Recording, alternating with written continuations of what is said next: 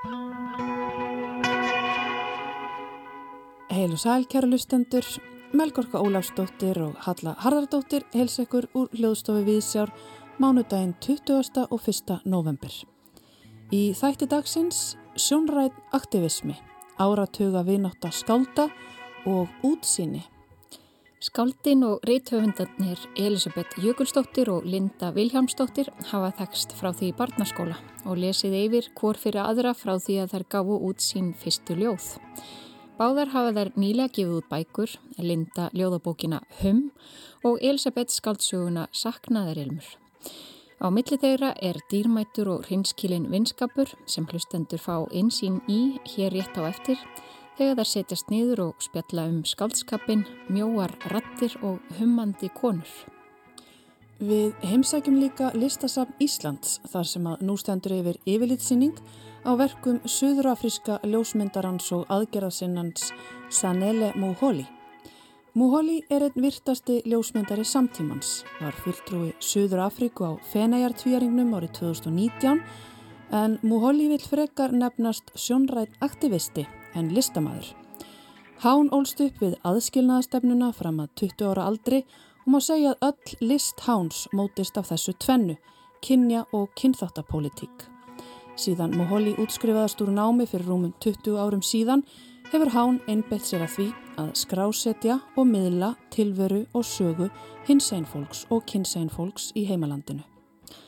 Sölvi Haldarsson rínir í dag í nýja skáldsögu Guðrunar Efu Mínervdóttur útsýni.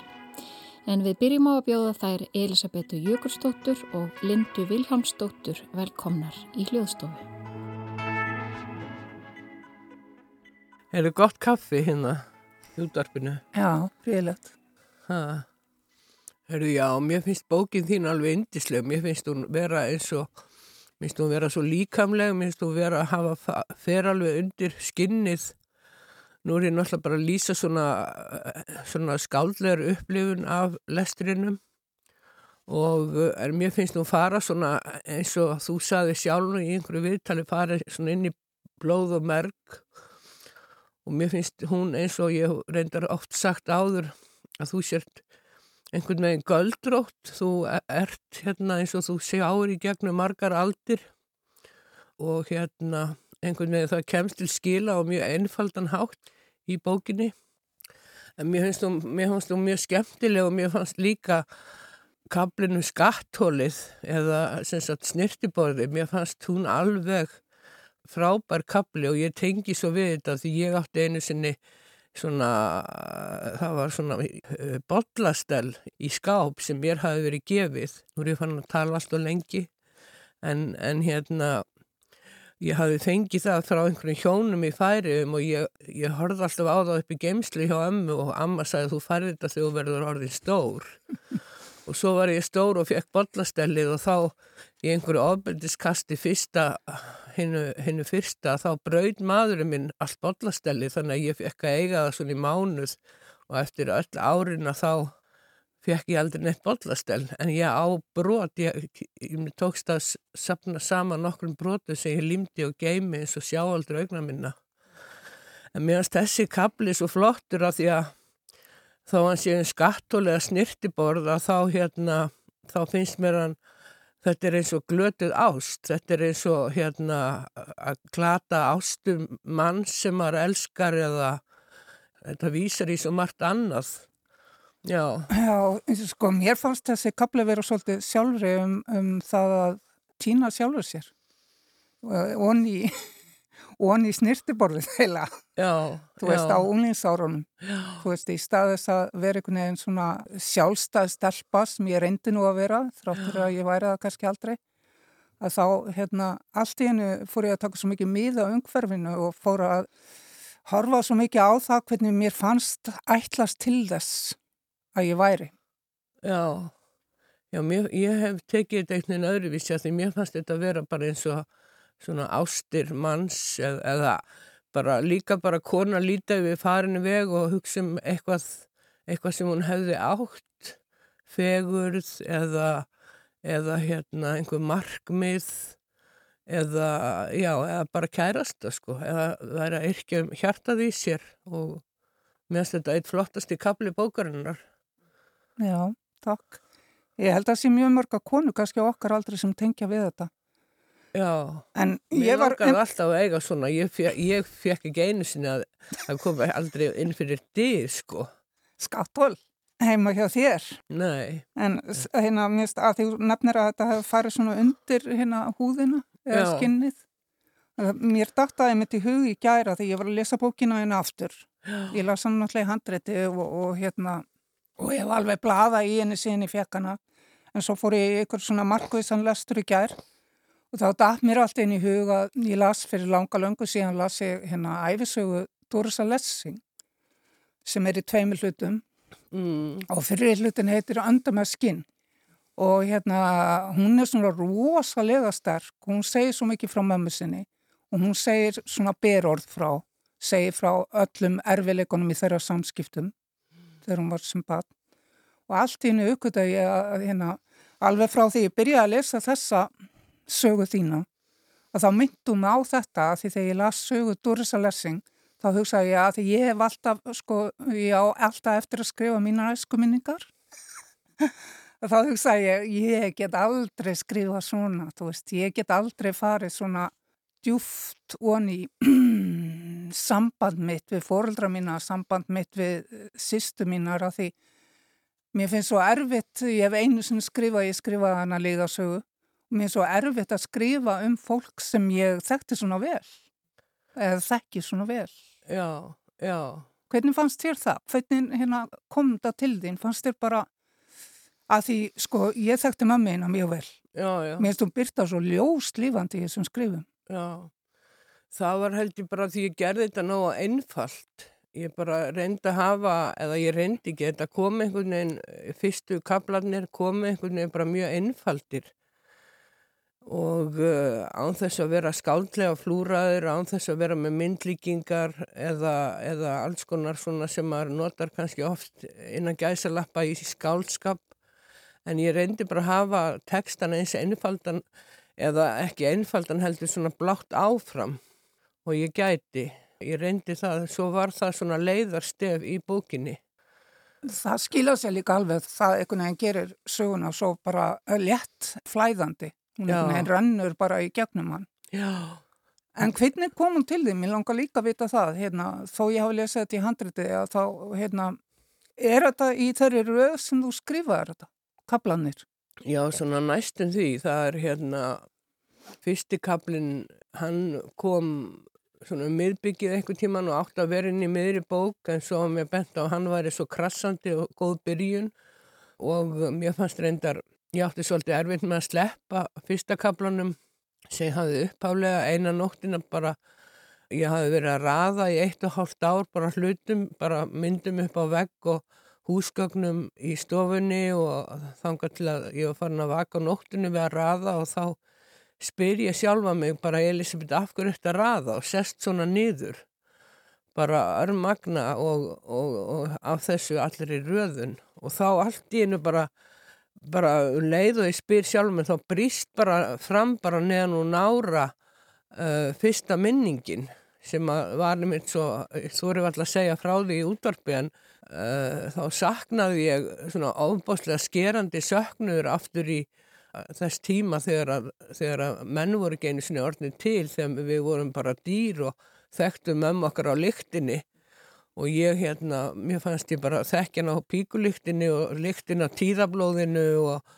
og líktinu, einhvern tíman hafði ég stólist til þess að líkta á nærbuksunum þannig að þetta var svona algjör frumstæðu kraftur sem braust fram. Og ég var með hugsa hvernig get ég sagt á þessu í, í bók svo? En mér fannst þetta eitthvað svo fallegt við þetta. Og það var eins og hlið sem opnast að að hérna leið og þessi minning hafi brotið sér leið að þá bara opnaðist farvegur og þá komu allar hinnar minningarnar. Og ég vissi bara fljótlega að, að hérna ég varða að bjarga þessu með því að skrifa þetta niður og þá sá ég að þetta var bók sko. Þannig að þannig, þannig kom hún til mín þessa nótt sem að ég var að raða og Já og þetta er samsagt ilmurinn Þetta er ilmurinn. Saknaðar ilmurinn. Já, saknaðar ilmurinn. Já, ég á nefnilega, sko, en þá má mín dó 2009 Já. og ég á, sko, snirtibutur tvær sem ég tók úr dánabúinu sem að mér finnst ennþá að vera líkt af henni. Já, já. Ég tekka stundum upp og þefa. Já, já, það er svo skrítið. Ég hef kynntist í þegar ég var 8 ára í Gríklandi og kom náttúrulega aftur 28 ára. Þá var líktinn sem kvekti minningar. Það er ekki að skoða fjölskyldualbum heldur að reyna að finna og þefa, þefa þetta uppi allt saman.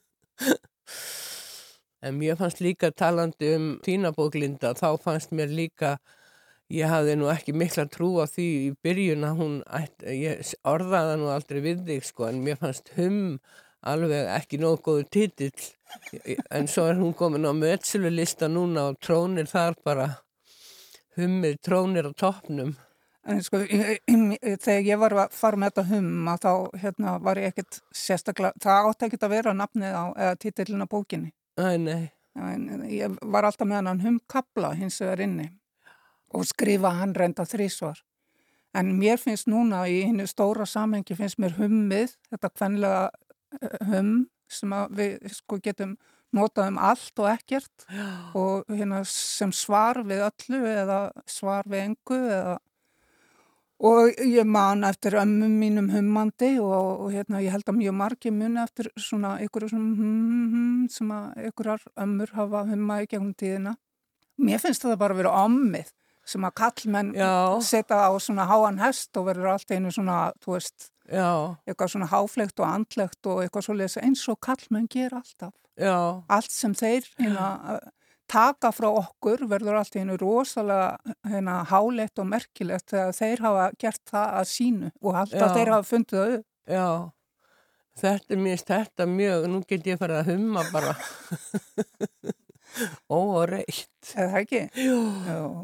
Hum okkur í gegnum lífið. Já, og hummið og hnussið. Ég hef einmitt heilt að ljósmaður hafi hnussa. Það er hnussa bara, sko. Það er þetta sé nú fallið stelpa.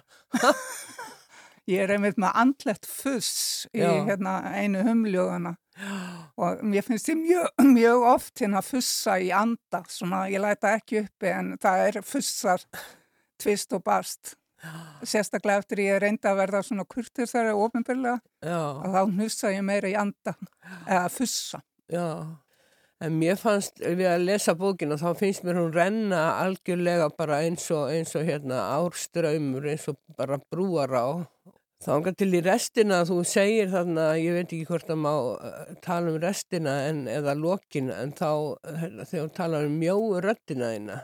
Já og ég hugsaði, heyrðu þetta er nú vittlisa og ég hérna laði bókina frá mér og hugsaði þetta verði nú að lesa aftur af því mér finnst þú hafa svo sterkar rödd, minnst þú bæði hafa svo flotta rödd og, og segðandi upplistara rödd og talandum galdur, þá finnst mér þú oft vera gala galdur þegar þú ert að lesa.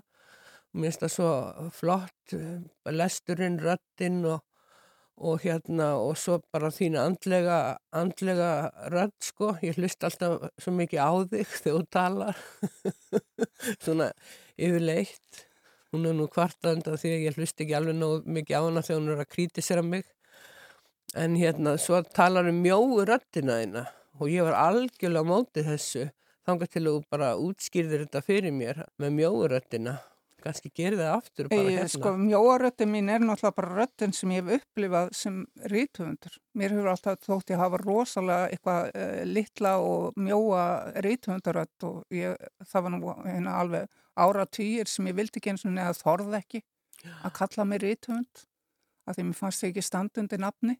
Það, uh, þetta er bara í því samhengi. Ég var einhvern veginn alltaf að búa það til að rítundu þurfti að skrifa eitthvað stórar, episkar hérna, skálsúr, mm. helst í þrembindum.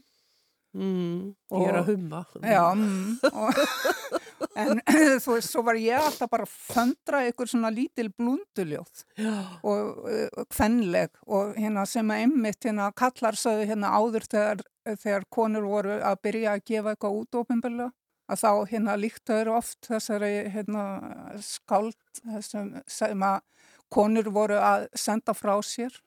Líktu því oft við ykkur, ykkur handavinnu eða útsaum eða eitthvað svona lítið dúll. Alveg rétt. Já, og mér fannst ég einhvern veginn vera eða þú veist ég setti sjálfa mig í þann flokk og fannst einhvern veginn sko normið rítumundur væri þú veist einhver sem skrifa episka skálsögur já, og einhvern veginn gaf ég mér það fyrirfram að þanga kemist ég aldrei. þá var ég mynd, ég var að lesa upp með snæbinni Arngrímsinni í gær og hann er með svona döðrand sem hann var að gefa út. Og ég segi svona við að þetta er mikil döðrandur sem út með snæbjörn.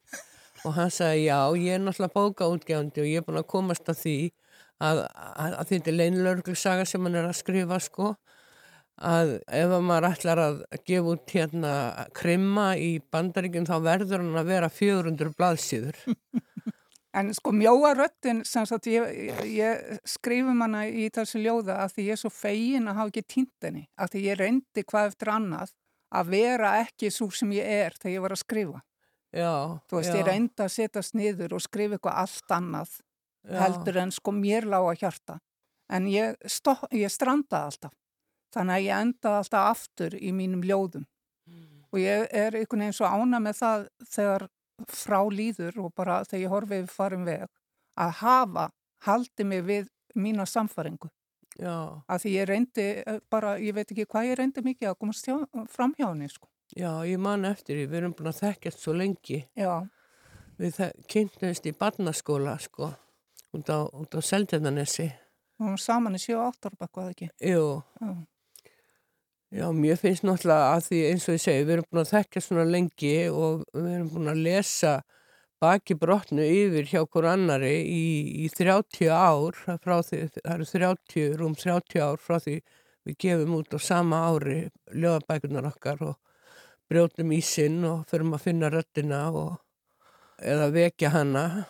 Og en það sem mér fannst svo að því Linda, eh, mér er oft þótt og svona mjög hardu kritiker og oft verið hérna ekki ósátt eh, við það sem hún segir en svona uh, förða mig á ymsum sem hún leggur til sko þó ég, taki mjög mikið mark á henni. Þess vegna fannst mér svo gaman þegar hún sagði að saknar ilmu var í meistarverk og þá trúði ég henni alveg sko og lindi ekki látum fyrir en ég fekk hana til þess að að ég mætti hafa þetta með á bókakápu svona eins og almennleiri bók. Og ég er voða þakklátt þakklátt þérlinda fyrir, fyrir hennan yfirlestur og fyrir að hafa líka hann hún kom svona inn í á síðustu stundu þegar ég var komin í ógöngur. Og það bara munar öllu að, að hérna geta verið ósamála, ósamála sammála. Mér fannst að ég var komin hann í ógöngur og var fann að skrifa um bara dauða föðum mín eins og ég er búin að skrifa um í 40 ár. Þá kom Linda með nývinn og, og hummið Já, og hérna var svo hissaði og skildi taka mark á mér að því mér hefur alltaf fundist í gegnum tíðina að þú tækir ekki mark á. Jú, ég er alltaf bara alveg. Linda, Linda En talandum einmitt þetta að hérna hvað við höfum grætt mikið á því að hafa verið að lesa yfir hjá hvor annari frá fyrstu tíð. Ég man bara, þú veist, þegar það var bara komið eitt og eitt ljóð, þá ringdi ég í þig og las ljóðið alveg samstundis og ég vissum að ég hefði ekki getað haldið í röddina mína ef það hefði ekki verið þú hinum minn og línni, sko. og hvað var þetta sætt að segja þetta sömu leiðis sömu leiðis, ég veit ekki við varum öruglega ennþá að reyna að skrifa episka Já, skáldsögu sennilega. Já, við erum búin að ræða þetta mikið og gera grína ömulegar episkar skálsögur og, og að meðan sko hefur við ekki fatt, eh, fatta það að nú allt í hennu er sko það sem við erum að gera komið í tísku og, og hérna konur sem skrifa eins og við fá bara Nobelsvölun og hvað hérna eins og Já. Annie Ernaux Já, já, akkurat. Við hefum séns, ég er náttúrulega Linda fæ Nobelsvelunin, það er alveg rakið. það er, það er alveg pott þetta það verður ekki ég en það gæti verið þú Nei, Ég held að það sé af og frá, sko. Ég let mig dreyma í mörg ár en ég held að ég hef lagt hann drauma á hilluna og til að hafa nú eitthvað á hillunni.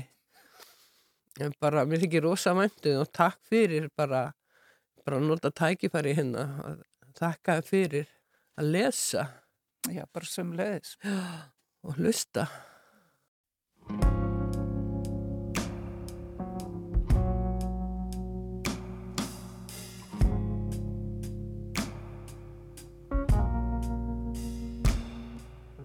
Seitlað þú í svörtum tárum Síunni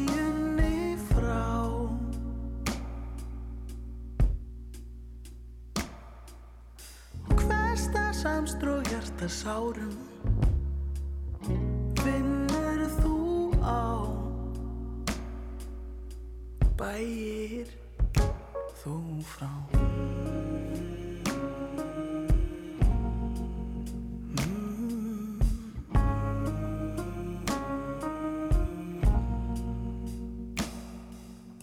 Blessu alla tíð sé baunin þín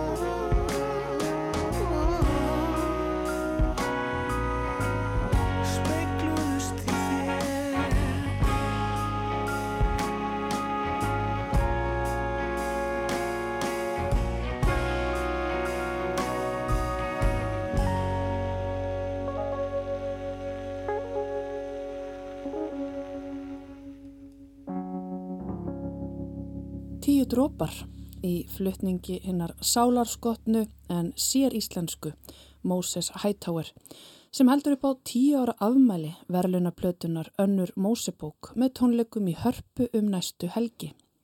Dýrðarómur um kaffi. Hér á eftir samtali rithöfundana Elisabetar Jökulstóttur og Lindu Viljánsdóttur sem settust yfir bolla hér í efstaleiti. En þá tekur Sölvi Halldórsson við með bókaríni. Út er komin ný skáltsaga eftir Guðrúnu Efu Mínervidóttur. Bjartur gefur út og á reikkápunni er málverk Francesco del Cosa af heilari Lúsíu. Höfuð Lúsíu er aframað en hendi hennar þræðir sig inn á milli titilsins og nafni höfundar á forsíðunni. Í hendi Lúsíu er einkennileg planta með örlítið þreytulegum augnsvip þar sem ættu að vera tvö löfblöð. Augu sem harmonera fallega við titil skaldsjónar, útsýni. Höfundaverk Guðrúnar Efu er nokkuð fjölbreytt en hildstæð flóra. Það sem bindur ólíku verkin þar saman er hinn hrifnæma, hóflega, hátilega og húmóriska rödd Guðrúnar. Árið 2016 eruð áhugaverð skil á reythöfundaferli Guðrúnar. Með skeggi Rasputins og verkunum sem fylgdu í kjölfarið, Ástin, Texas og aðferðir til að lifa af, var líkt og höfundur hefði skiptum gýr. Í staðin fyrir þræl plottaðar sögur með nettum blockbuster brag eins og Jósói og allt með kossi vekur, komist þittri og róleri verk með afslappaðri uppbyggingu. Frásegnir sem fengu að lulla áfram í lágadrifinu og komist fyrir vikið að dálitið aðra leiðarenda en hinnar fyrri höfðu gert. Þess vegna var ég forvitin þegar ég fekk útsýni í hendurnar því bókin er talsvert lengri en síðustu tvö skaldverk Guðrúnar. Sagan er 368 blaðsýður og framan af virtist hún vera vísindaskaldsaga. Sagan streytist þó á móti hefmyndnum bókmyndagreinarflokkunum og hana mætti líka kalla sálfræði trilli eða dýrlingasögu. Útsýni sver sig þannig bæði í ætt við hennar stórskortnu og episku skálsugur höfundar en gengur líka í sama ljúfa hæginda takti og síðari bækur guðurunar gera. Útsýni er tilvistaleg saga ungrar konu, Sigurlilju van der Waal, sem ferðast á bakkafjörð til að ganga frá dánarbúi ömmusistur sinnar. Segur Lilja, eða Lilja, er þrítug, nokkuð hávaksinn og einræn týpa sem flakkar á milli starfa sem hún hefur ekki mikinn áhuga á. Eins og hún segir sjálf á fyrstublaðsugni er lítið um að vera hjá henni persónulega. Og það er í einhverjum skilningi satt en likil orðið þar er persónulega. Lilja er nefnilega ekkert svo persónuleg sögupersona. 11 árum áður en sagan hefst, vaknar Lilja upp einan nótt á heimili sínu, ráfar út á milli sveps og vöku og sér undarleg ljós á næturheimlinum. Næst rankar hún við sér með röflu hnið, köld og veðurbarinn í hafnarfjörðarrauninu. Allar göttur síðan er Lilja fullvis að hún muni ekki verða langlýf og fær öðru kvoru eins konar aðgang inn í vitundir annara. Í draumi lifir hún dag og dag eða stund og stund í lífi annara. Sér út um augu þeirra og er þau á meðan. Finnur til, gleðst og kemst að öllu fögru og sáru um viðkomandi. Þessi tíðu innlitt í líf annara móta lífsviðhorf og framferði Lilju á dramatískan hátt. Eitthvað innra með Lilju kiknar fram í fyrir öllum sorgum, takmörkunum, tilætlunar sem viðkvæmni, heift, sjálfsatri og skam fólksins sem hún kynnist í draumum sínum. Hún lamast af ótæmandi æðurleysi, glatar allir persónulegri stefnu og hættir að byrja nokkrar vendingar til eigin lífs. Verður, eins og hún segir sjálf, metnaðurlaus hengilmæna. Á saman tíma dáist móður Lilju að dóttur sinni fyrir að hafa ekki minnstu þörf fyrir að stjórnast í einun í öðru og að finnast hún ekki þurfa að sanna sig fyrir öðrum. Sjálf segist Lilja þó einna helst þjást af mikilmennsku brjálega. Sama hvað tautur og raular þeim mæðgum, orkar erð og aðraleysi Lilju stundum á lesandan líkt að hún sé í sjálfsvíks hugleggingum. Yfir Lilju er þá okkur hlýr og mjúkur léttlegi sem flækir þá tólkun. Lilja er ekki þunglind en stendur gjörsamlega utan garðs í samfélagi mannana. Henni þykir væntum heiminn og alla mannlega reynslu, skilur öll sjónar með en sér samt ekki tilgangin í að finna á draumum til að elda sjálf. Vandamálið er ekki að Lilja vit ekki hvað hana langar, heldur langar hana einfallega ekkert og stendur fast á sínu. Vangaveltur sögukonunar minna til skiptis á Mersó í útlendingnum eftir Albert Camus og Jésús Krist Nýja testamentsins. Að miklu leiti er sagan stúdja á húnum mótsagnakenda lífsviðþorfi sem náðargáfan eða útsýnið laðar fram hjá sögukonunni. Og þessar hliðar sögunar eru frjóar, augrandi og stundum óhugnarlegar en vekja líka upp spurningar um áreðanleika sögumannsins. Stórir hlutarsögunar eru helgaðir draumförum eða heimsóknum Liljun í líf annara sem og sögunum sem fólk segir Lilju sjálft. Í frásögninni koma þannig margir sögumenn að borðinu. Það var sérstaklega ánægilegt að komast í kynni við svo ólík sjónarhorn í einni og sömu sögunni og Guðrúnu tekst að ljá hverjum og einu þeirra sína eigin rött til að miðla sögu sinni á frjóan, áriðandi og sláandi hátt Ensku skoti eða kjarnirt, háflegt eða umbúðlust. Útkoman er margrata og skrattarlega stíluð skaldsaga. Sumir sækja í mósakendar tilfinningar á meðan aðrir eru með einhvern terror í blóðinu og enn aðrir drekka konjak þar til þeir finna fyrir levandi sifju. Allt leggur þetta á plóð við að skapa sannfærandi og eftirminnilegar personur og það eru margar í þeirri skáldsug vegna þess að aðalpersonan Sigurlilja er ekki beint í fórgrunni frásegnarinnar heldur eins og stendur henni álengdar. Fyrir bræðið er örlítið erfitt að ná utanum eiginlega frammyndu sögunar því hún er margslungin og ekki einhömm. Lilja gengur frá dánarbúi ömmusistur sinnar, kynist mannlífinu á bakkafyrði og þegar Sigur setni helmingin fer sagan fullum fetum inn í förðuna sem búið verið að tæpa á í fyrirlutanum. Nokkuð sem þó reynist líka að vera leikillinn að jarðbundnari tólkun sögunar fyrir þá lesendur sem kjósa það. Með því að tvinna saman margskonar tímaflakki, tilrænakendum frásagnarhætti, sveimandi förðu og gler hörðu raunsægi tekst höfundi að gera ólíkum flötum veruleikans skil í sérlega beitastæðum teksta. Útkoman er hlý, djúb og tær. Sölvi Haldársson fjallaði um útsýni, nýja skaldsögu Guðrunar Efu Mínervudóttur. En þá yfir í aðra salma.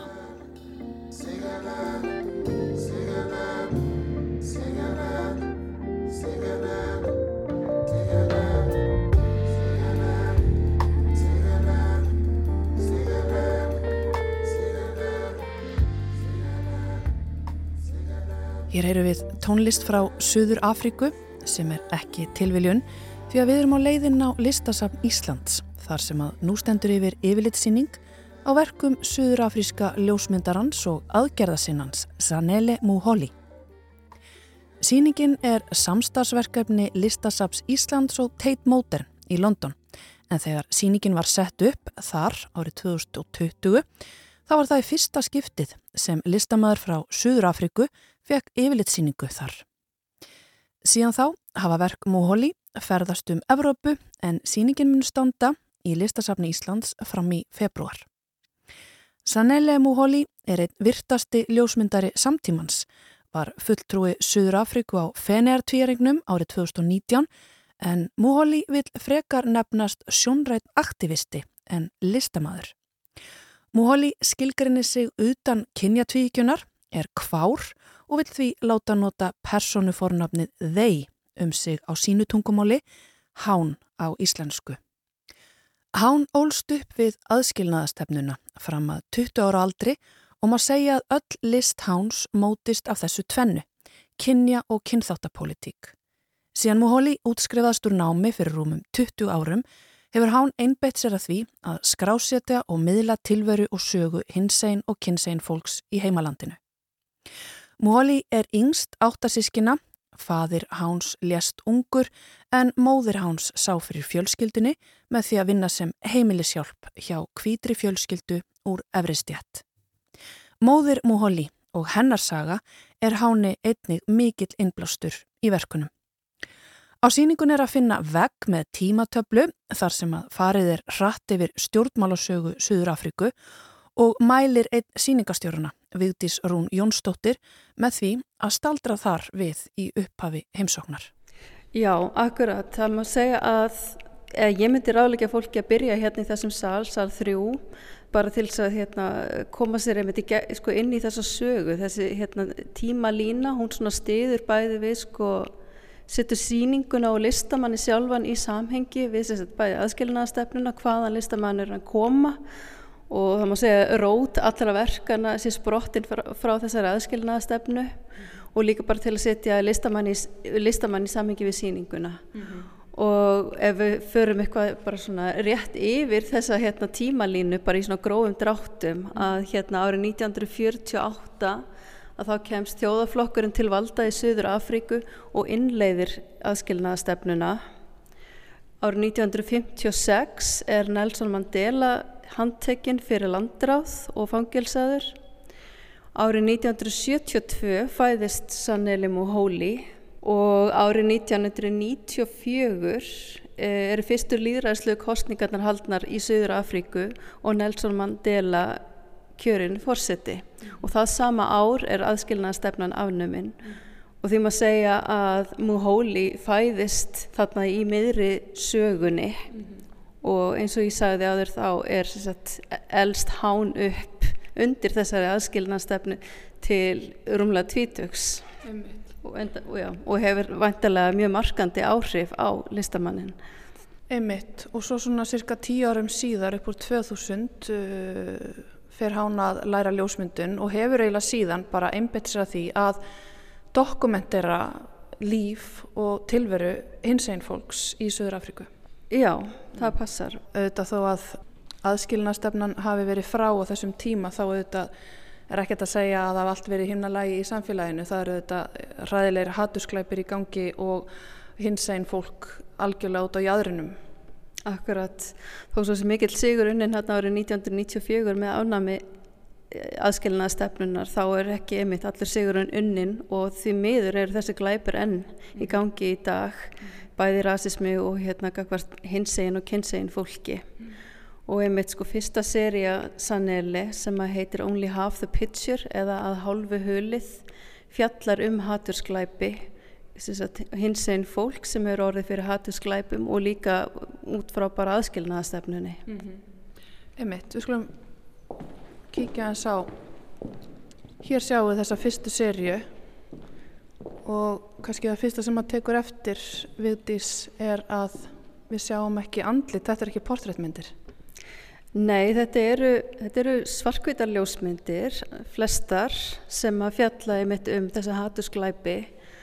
Og þetta er fyrsta og í raun og veru einn mikilvægsta seria Muholi sem var unnin árun 2002 til 2006 og eins og til dæmis þú sér á þessu verki hérna sem er ör yfir læri einstaklingsins að þá sést ekki andlitið og það er það er ekki ástæðalausu að hún kýs að sína ekki andlitin en það er bara til þess að ég er að vera verja einstaklingana út af hatri og glæpum og líka bara til að leggja meiri áherslu á þessi ör og hérna sársökan sem þessi einstaklingar hafa orðið fyrir.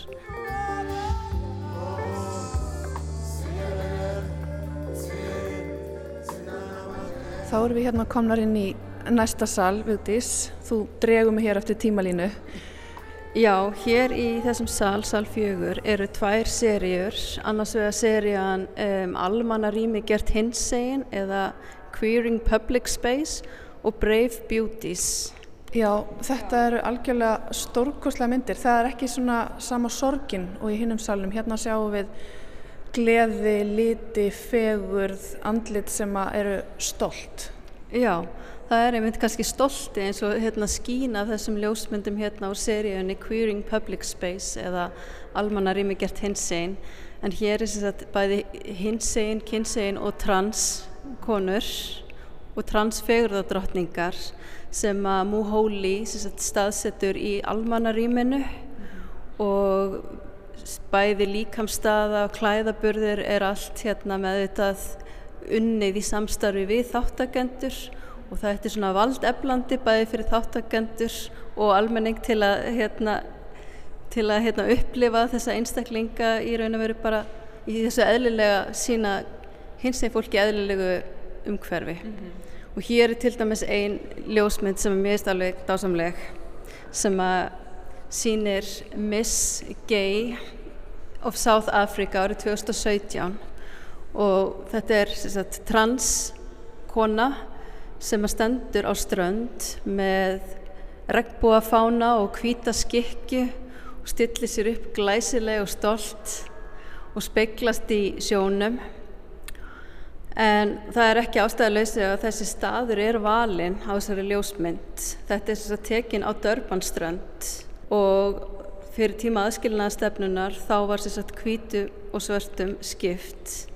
Og hvítir fengu 80% af ströndinni á meðan svartir fengu kannski 20% að jáfnvel minna og auðvitað vestapartin af ströndinni.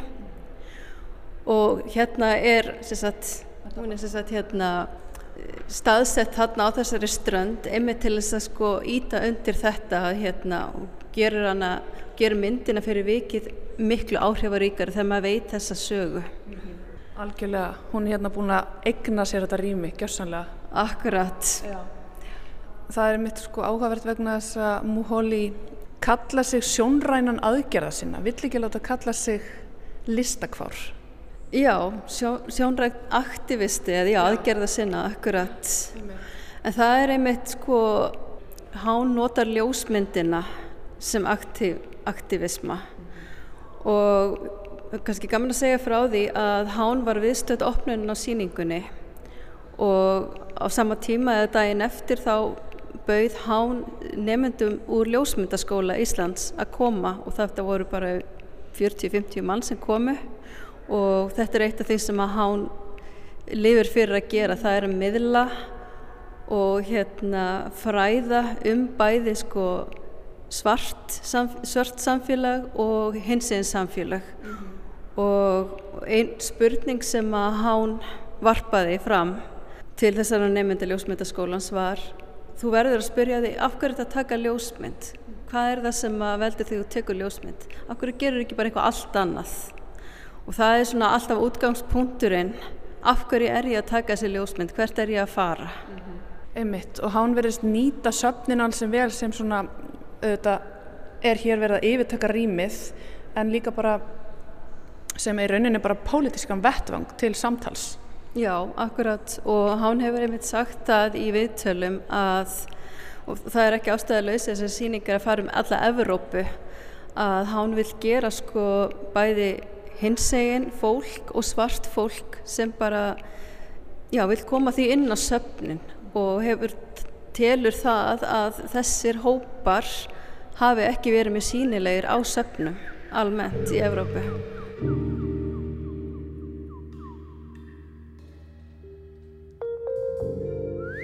Þá skulum við rölda hérna niður á fyrstu hæðina og hér blasir við stórgóðsleg mynd sem að hangir er mitt utan á listasafninu.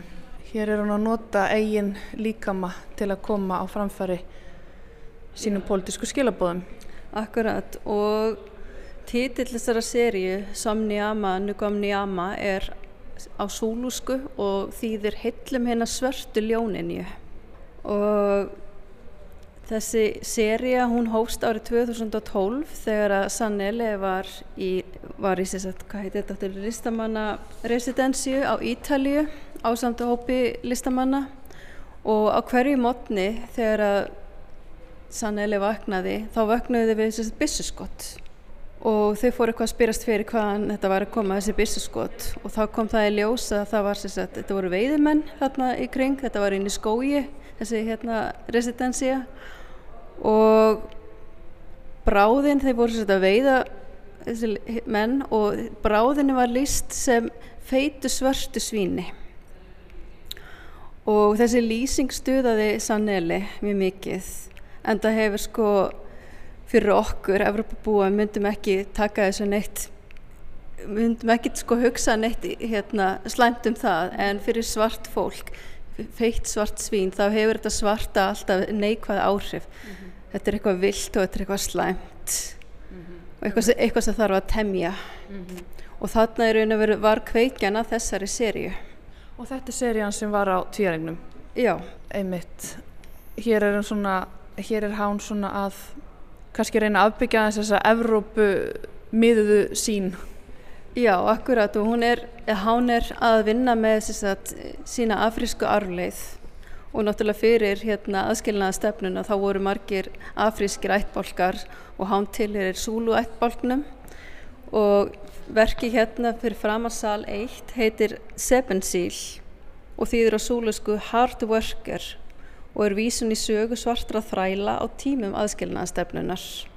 Og hér sjáum við hennar svarta hring í bakgrunni sem eru unnir sko, þetta eru ruslapokar, svartir ruslapokar og hvítu línutnar þar fyrir aftan eru klósettpappir og barkin sem er vafinni kringum listamannin eru gamalt barki úr þvóttavill.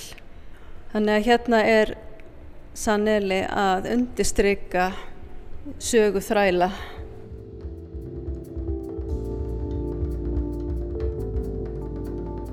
Þá erum við komnar inn fyrir í síðasta salin og hér eru þessar mögnuðu portrættmyndir.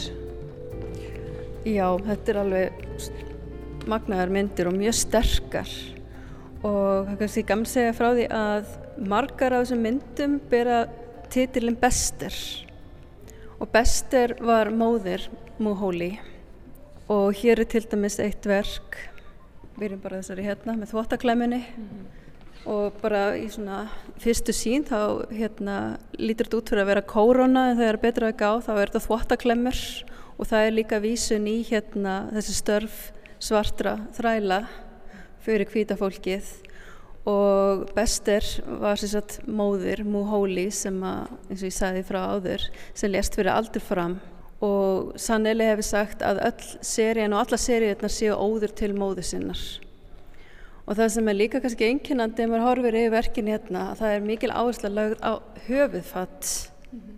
mjög ólík höfuðfött og það er líka vísun í þessa afrísku menningu og þetta afríska hár sem að er hérna eins og Saneli hefur sagt sko að hérna hún hefur stundu lendið því bara á almanna færi að fólk kemur til háns og spyr má ég fá snerta þetta hár? Hvernig er að þóða, hvernig er að greiða það sem er mjög óviðandi spurning og Evrópabúar myndi ekki fá svona spurningar frá ókvæmnu fólki. Þannig að þetta er bæðið vísun í það og þetta er líka vísun í þessar afrísku hefðir eins og til dæmis Súlu ættbolkurinn að þar var hefð hjá hérna, brúðarmegjum að hilja höf, höfuð sitt. Hérna til dæmis sjáum við e, svona teppi, afrist teppi og hérna er önnu mynd sem að vísa í þetta. Og það var líka sagt, á súlu, súlusku eða súlu hérna ættbólknum að ef að ykkur var fyrir missi döðsfalli þá var hérna venja að raka hárið af. Þannig að það eru svona ýmsar hefðir sem að er verið að vísa hérna í og í rauninu verið líka að svolítið að upphefja aftur eh, bara þessa afrísku menningu að gera hana fallega. -hmm. Já, einmitt, það er gaman að þetta er náttúrulega sko, mikið af vísunum þarna sem við þetta bara þekkjum ekki. Þess vegna er gaman að fá þessa baksögu og sjá hvernig há notar líka fundna hluti sem að virðast vera kannski tilvílunarkendir en hafa ótrúlega sterka merkingu. Akkurat, mjög sterka merkingu og eins og það er ein mynd þarna sem ég sé núna sem að minnir á bara svona hérna, strápils mm -hmm svona úr fjarlægð svo þegar maður kemur nær þá sér maður þetta er svona sippbönd sem eru bara notið í hverstasleikunum til þess að loka ferðartaskum eða halda ykkur í skefjum og, en í Söður Afríku þá var þetta notað sem handjátt þannig að þetta hefur svona ofbeldis tengingu og mjög sterkar hérna vísun í það mm -hmm. þannig að hán er velur emitt hérna fundna hluti með þessar sterkur tengingar og sem við kannski, eins og segir, áttum okkur ekki á í fyrstu. En án þess að vita það líka þá eru þar svo sterkar, þar hafa mikil áhrif á mann, Já. þrátt fyrir að maður kannski geti ekki lesið allt táknin. Já, bara algjörlega. Hér er seria sem er, heitir Faces and Faces með PH hérna í næsta og ásjónur og áfangar og þetta er portréttserja sem að tela núna í kringum 5-600 verk og er, var unnin frá, hún var byrjuð sérst á henni árið 2006 og hér er sérst portréttmyndir af hinsegin og kynsegin einstaklingum og transkonum.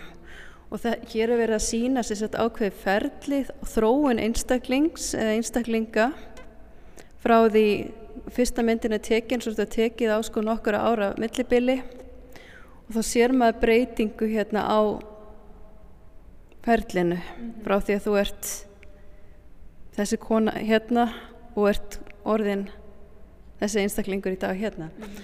og svo bílinn sem er hérna inn á milli þau gefa til kynna annarkvort hefur einstaklingurinn bara fallið úr seríuna einhverjum ástæðum eða það hann hefur látist eða þá þá eftir að taka mynd til að fylla upp í bílið en margir af þessum einstaklingum sem að teki þátt í þessari sériu hafa því miðurlátist og orðið fyrir hattursklæpum og sumir hverju fyrir, hafa orðið fyrir nauðgunum og fengið AIDS í kjölfarið. Og það kemur fram í viðtölum í mjög ítalum og flottum katalóg sem fylgir síningunum sem kemur frá teit viðtöl við þessa einstaklinga og einmitt sögur úr þessum sérium þar sem er sagt frá þessum sorgar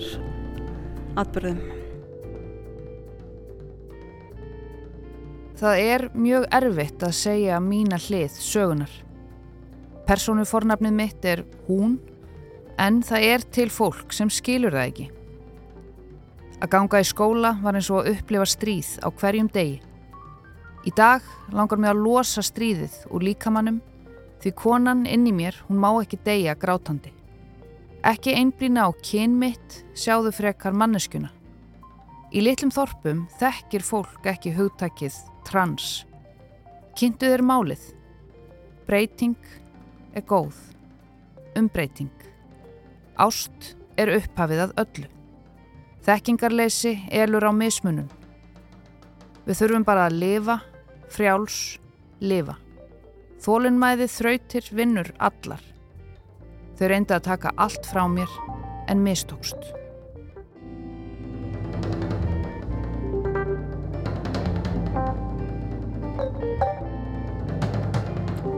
Reynslusaga transkonu hér undir lok samtals þeirra höllu og vigdísar Rúnar Jónsdóttur, eina af síningastjórum yfirleitt síningar á verkum söðurafriska ljósmyndarans Sanel Muholi sem nú stendur yfir í listasafni Íslands. Reynslusagan er tekin úr síningaskráni frá Tate Modern í London en síningin er unnin í samstarfi við Tate. Og hér endum við viðsjá í dag. Takk fyrir samfélgina og verið sæl.